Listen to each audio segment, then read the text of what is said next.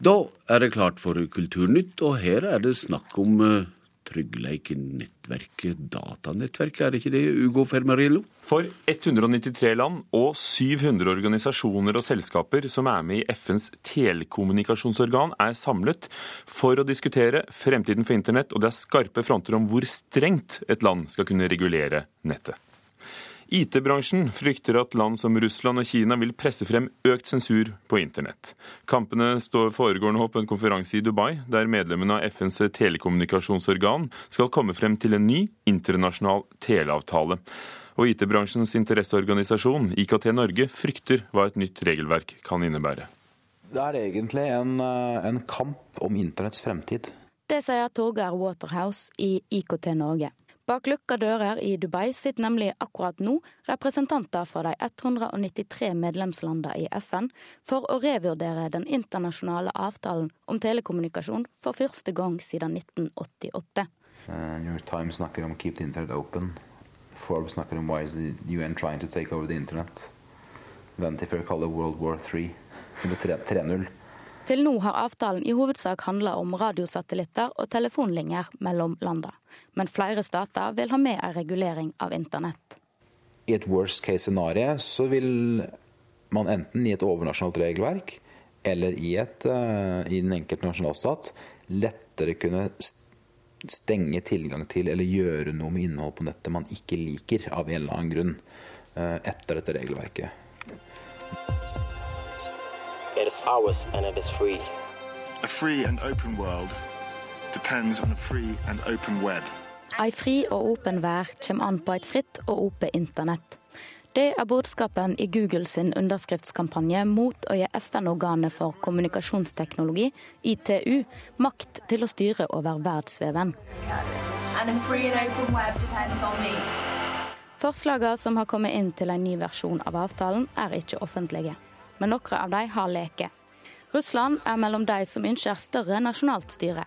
Waterhouse er redd stater som vil presse på for å få makt til å kontrollere internettbruken, vil vinne fram. Det er ganske mange land i Midtøsten som ønsker dette. Eh, Kina ønsker deler av dette, osv. osv. Og grovt sett så kan man nok si at de som ønsker denne innstramningen, det er land som vi normalt ikke liker å, å bli sammenligna med, eller vil finne det unaturlig å sammenligne oss selv med. Mens de landene som er imot dette, er land vi typisk liker å sammenligne oss med. Mange, og det er forståelig, oppfatter internett som en utfordring og en trussel mot egen makt og egen kontroll. Og selv i Kina, hvor man har the great firewall of China, så, så klarer man ikke helt å stenge nettet. Og det vi jo ser, er at vestlige myndigheter putter penger i prosjekter og heier på prosjekter som hjelper folk i Kina å komme rundt den store kinesiske brannmuren. Og det er klart at den type utvikling som vi ser foreslått for ITU nå, det kan gjøre det vanskeligere med disse åpne prosjektene og den frie informasjonsflyten. Det er en komplisert sak å lage et styre for internett, men for meg og deg vil en avtale som det flere nå går i bresjen for, bety at Hvis dette går igjennom, så vil internett bli en mer begrensa arena hva gjelder innhold og nye tjenester. Det kan også bli en dyrere arena, fordi det åpner for muligheten til å legge på forenkla sagt, toll. Toll på internettpakker som flytter seg rundt i verden. Og Vi kan havne i en situasjon hvor, hvor, man får regulering nasjonalt, for den del, også i Norge, hvor med henvisning til at jo, det er regulert sånn internasjonalt, derfor må vi. Den norske regjeringa er på konferansen. De vil ikke uttale seg om saka på radio, men Samferdselsdepartementet skriver i en e-post til NRK at vi vil arbeide for å unngå løsninger som begrenser ytringsfriheten. Vil det bli opprør om dette går gjennom? Det tror jeg. Sa Torgeir Waterhouse i IKT Norge til vår reporter Maria Pile Svåsand. Og det er altså nå at FNs teleorganisasjon møtes i Dubai for å diskutere en ny internasjonal teleavtale. Danmarks kulturminister Uffe Elbæk bringer saken om Apples nakensensur til topps i EU-parlamentet. Den danske fotografen Peter Røvik Knutsens nakenbilder i bøkene 'Hippietiden som forandret Danmark' ble for sterk kost for det amerikanske selskapets e-bokhandel. Apple godtok først en sensurering av bøkene, men eh, den godkjennelsen ble siden trukket tilbake uten noen forklaring til forlaget. Og sensuren besto av epler foran bryster og i skrittet, og nå tar Danmarks kulturminister affære.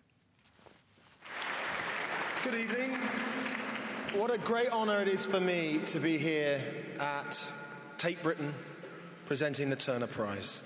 Skuespiller Jude Law delte ut den store britiske kunstprisen i går, og i år går Turner-prisen til Elizabeth Price. Hun har laget en film som med bilder, kunst og arkitektur beskriver en brann i et varehus i Manchester i 1979 som krevde ti menneskeliv.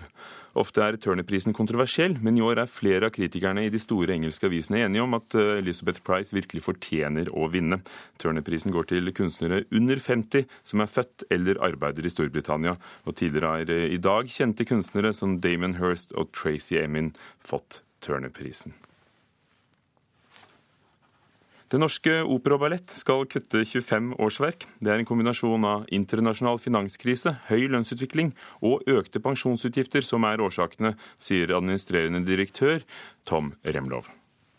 Nei, Det er eh, svært dramatisk for oss, men det er også dramatisk for svært mange andre. eh, Både i og utenfor kulturlivet. Eh, fordi vi er så store, så påvirker det oss tungt. Um, og det er vi nødt til å gjøre noe med. Vi får god hjelp av departementet, men vi får ikke hjelp med alt. Og da må vi uh, ordne opp i vår økonomi, sånn at vi kan få betalt uh, for den pensjonsordningen som våre ansatte har krav på. Hvordan vil publikum merke dette? Publikum vil ikke merke noen ting. Uh, Får vi til det vi nå holder på med, så vil publikum merke at vi kommer til å produsere ytterligere. Uh, Så de får et uh, økt tilbud uh, fra vår side. Det er vår plan og vår forutsetning. Til Dagbladet så sier de tillitsvalgte at man bør kutte ned på overtiden. Ser du at det kan være noe å hente her? Ja, det er det. Men overtid, en så stor virksomhet som vår, og en virksomhet med, eh, som jo handler om eh, å produsere eh, på stedet, har jeg sagt, eh, hvor man altså f.eks. hvor sykdom oppstår, men forestillinger må likevel avvikles, eh, og intensivert prøvetid hvor, eh, hvor ting eh, underveis eh, må løses, så, så vil det være overtid. Um, Det unngår vi ikke, men at vi kan ytterligere, utover hva vi har gjort de siste par årene, stramme inn på overtidsbruken og frigi midler også på den måten, det er det ingen tvil om. Tom Revlov, direktør ved Den norske opera og ballett, til vår reporter Eivind Våge. Og nå spill.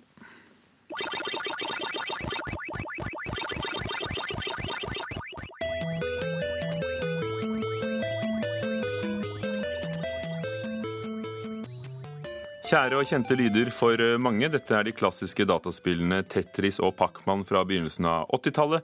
De er noen av de spillene som er valgt ut til et av verdens mest renommerte kunstmuseer, nemlig Museet for moderne kunst, MoMA, i New York, som skal åpne en egen avdeling for dataspill. Museet har valgt ut 14 dataspill foreløpig, som ifølge dem er utmerket eksempel på interaktiv design. Utstillingen skal åpne i mars. Og Andreas Hatzel Opsvik, du er spillanmelder her i NRK. Hva synes du om at MoMA tar med dataspill i samlingen? Jeg syns det er veldig gøy at uh, dataspill uh, blir valgt ut til noe sånt. Uh, det er jo en, en, debatt som har pågått lenge, og hvorvidt dataspill er kunst. Og jeg kan i hvert fall si at de som er imot det, kanskje har fått en, en spiker i kista nå. Kunst, design. Du har skrevet om dette på nrk.no. Hvilke reaksjoner har du fått fra spillere? Altså, det er jo en, en, lang debatt, som jeg har sagt, og det, det er flere som syns at det, at det, var på tide. Men samtidig så er det andre som mener at uh, må spill virkelig uh, bli definert som kunst, og, og ja, blir det noe bedre av å bli definert som kunst? MoMA skriver jo selv i pressemeldingen at dette er sikkert og visst kunst, men det er også design. Og Det er også et museum som, som tar for seg alt fra brødristerdesign til, til Edvard Munch. Ja. Så, men, men, når du ser på de spillene de har valgt ut foreløpig, Pacman, Tetris, Another World 1991, Mist 1993, SimCity fra 1994, eh, hva synes du om utvalget og, og hvordan de har gjort det? Jeg syns det er egentlig et ganske godt utvalg. Det, det spenner fint over de siste tre tiåra, sånn cirka. Tre-fire tiåra. Og det har egentlig en, en, en, litt sånn definerende liste med, med et par overraskelser her og der. Hvilke legger du spesielt merke til? Altså, Naturlig nok må jo spill som Pacman og sånt være med, men jeg syns det er gøy at et spill som Dwarf Fortress, som i utgangspunktet kan være litt uh, utilgjengelig, uh, for å si det pent, uh, er med i en sånn liste. Fortell oss, vi som ikke har spilt det, hvordan ser det ut? Hva har det ved seg? Det er bygd opp av Det ser veldig sånn gammeldags ut. Det er bygd opp av, uh, av gamle sånn tegn, litt sånn som du ser uh, skjermer på, på filmer fra, fra 80-tallet og, og, lenger bak. Og uh, kan være veldig sånn Alt blir styrt via, via et litt sånn utilgjengelig tastetrykkingsmetode. Og målet er da å bygge den største basen du kan. Museet håper å få til en samling på 40 spill i New York til slutt. Eh, og, det er flere som står på listen her. Street Fighter 2, Super Mario. Eh, hva, tenker du om det utvalget de skal gjøre, og det de har skrevet om eh, hva de ser på? Nei, det er, det er, veldig mye bra på denne lista, her, og det er veldig mye som en, en kan føle er definerende for dataspill. Et par ting eh, en, en kan savne sånn litt her og der. F.eks. fjorårets Journey, som jeg mener var, var en av de mer sterke, men fortsatt sånn ikke voldelige eller ikke voldsomme spillopplevelsene, men som likevel på en måte setter en eh, Hva skal en si en eh, sette et eller annet igjen da, etter at du har spilt det. Er det en fare det virker som på det du beskrev, at, at kanskje de velger de litt nostalgiske? De som ser ut som om de ble laget i dataspillenes barndom? Det kan absolutt være en, en, et problem sånn sett, men eh, jeg tror egentlig at de har klart å, å lage en ganske god liste. Og, og det er spill helt fra, fra, i fjor her, men eh, det er alltid noen som vil finne noe de mangler. Takk skal du ha, Andreas Hatzel Opsvik, spilljournalist i NRK P3, og utstillingen åpner på MoMA i New York i mars. En ny forskningsrapport dokumenterer historien om de jødiske flyktningbarna som måtte flykte fra Norge under krigen. I denne rapporten forteller de som den gang var barn, for første gang offentlig om den dramatiske flukten. Jeg var 13 år. Jeg husker alt sammen, ja. Han slapp så vidt unna og ble sendt til døden i Auschwitz som 13-åring. Politiet kom for å hente oss halvannen til to timer at vi hadde dratt. Så det var ikke mer klaring. Sigmund Korn, født i Østerrike. Sammen med 20 andre jødiske barneflyktninger kom han til Norge sommeren 1938. Fire år senere måtte han flykte igjen. Flyrammen gikk på natten, og Nina bestyrerinnen kommer inn til oss. Bestyreren på barnehjemmet tok barna med seg ut på en farefull flukt ut av Oslo. Nå forteller Sigmund Korn for første gang offentlig om den dramatiske flukten. Holdt tyskeren på sperrekrysset, og da bare tok hun fart og blåste over. Så det var poengene våre, da. Etter noen dager i skjul fortsatte flukten til Sverige.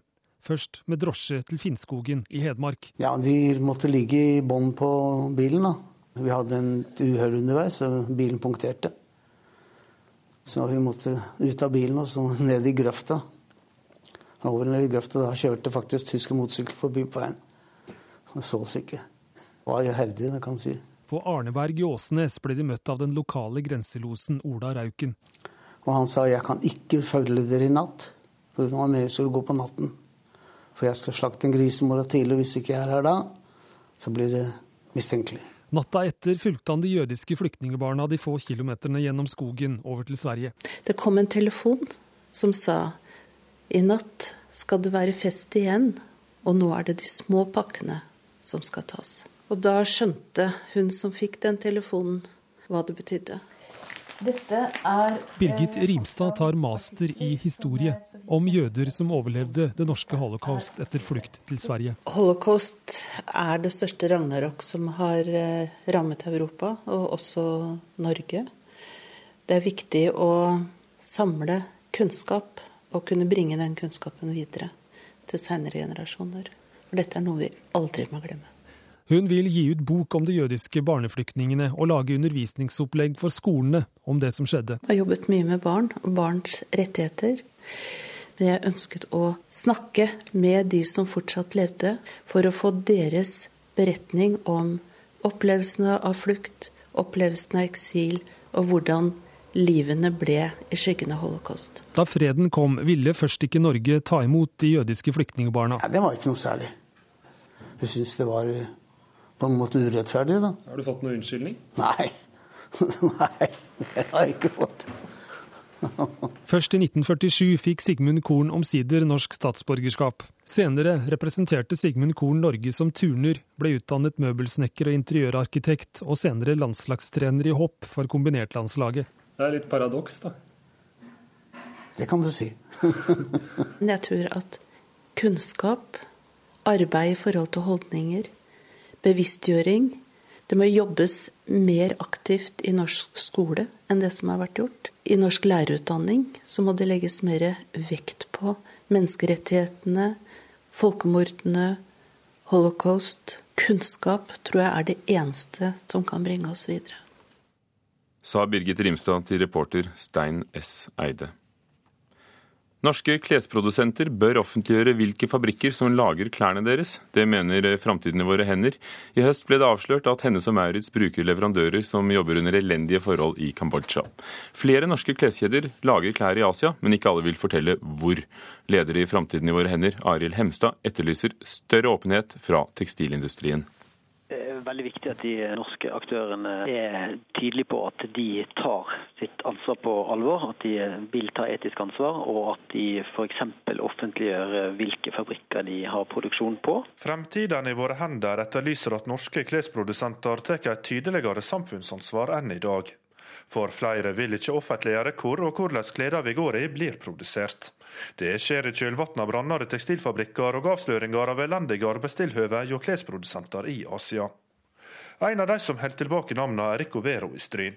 25% av deres produksjon foregår i Kina. Det sier eier og styreleder Finn Einar Kvamme. Vi har eh, har hatt så lyst til å offentliggjøre våre eh, fabrikker, som vi har en langsiktig relasjon med, som vi på en måte også har ært opp kan du si, vår måte å produsere på, vår måte å kommunisere på. Så det er på en måte en eierskap til en verdi. Selv om fabrikken ikke er vår, så er det eierskap til en verdikjede som er, er kan være et konkurransefortrinn for oss. Vi ønsker ikke nødvendigvis at det skal bli press på den fabrikken. Flere norske klesmerker har stor produksjon nettopp i Kina.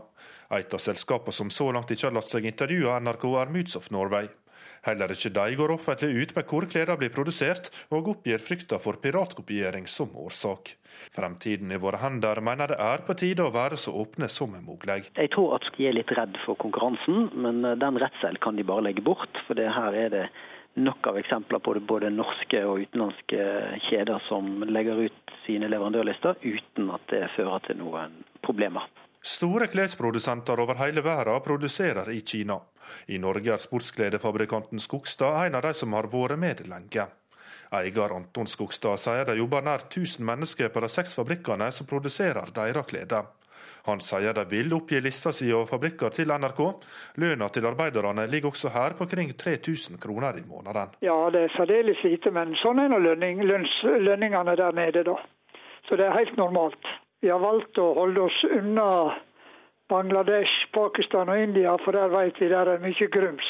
Arild Hemstad i Fremtiden i våre hender sier denne lønna ikke er mer enn den bør være. Det er ikke så ille. Det finnes eh, dårligere vilkår for andre arbeidere andre steder. Men eh, Spørsmålet likevel som man må stille er om dette her er nok til å leve et verdig liv i Kina. Eh, noen steder så vil det være helt på grensen av det som vi kaller en levelønn. Han mener klesprodusentene i den vestlige verden burde sikre seg kontroll over produksjonstilhøvene ved å eie fabrikkene sjølve. Ingen eier fabrikkene sine sjøl. Hadde de sjøl stått som eiere og drevet hele virksomheten sin, så ville det vært lettere å holde øye med hva, hva de gjorde på bakken mente Arild Hemstad i Framtiden i våre hender, reporter Asgeir Reksnes.